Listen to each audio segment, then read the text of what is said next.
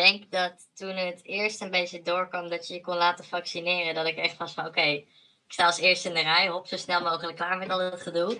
Toen, en denk ik, een maand voordat we zouden mogen, wat was dat, maart of zo, dat je de eerste keer voor een prik zou kunnen langskomen. Dus dat is dan februari geweest, denk ik, hoorde ik zo'n podcast van zo'n vent. Die zei eigenlijk van de overheidscampagne is nu, je moet je laten vaccineren uit solidariteit. Want je helpt zo eigenlijk de hele samenleving om weer bovenop de coronacrisis te komen. Je zorgt voor groepsimmuniteit en bla bla bla. Maar zei hij van dat moet eigenlijk niet de beweegreden zijn, want dat is niet hoe het werkt. Ehm, je moet je je voorstellen van als je je laat prikken, doe je dat omdat je kwetsbaar bent of bang bent dat je iets krijgt als je corona hebt en op de IC terechtkomt. In ieder geval, samengevat kwam het ook neer, als je je laat prikken, doe je dat voor jezelf en niet voor een ander.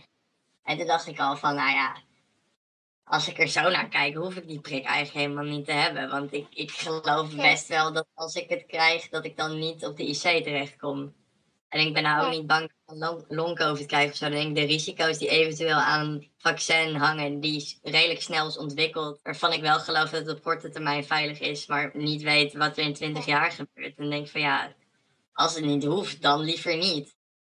En toen, toen was het ook nog zo dat mijn nichtjes en mijn ouders al wel gevaccineerd waren. En allemaal corona hebben gekregen en positief zijn getest. En mijn zusje en ik allebei niet wij niet gevaccineerd zijn. En had ik nou niet zoiets van, dat komt door het vaccin. Maar toen dacht ik wel van, ja, oké. maar dus inderdaad, als je geprikt bent, kun je het nog steeds krijgen en kun je het nog steeds doorgeven aan een ander.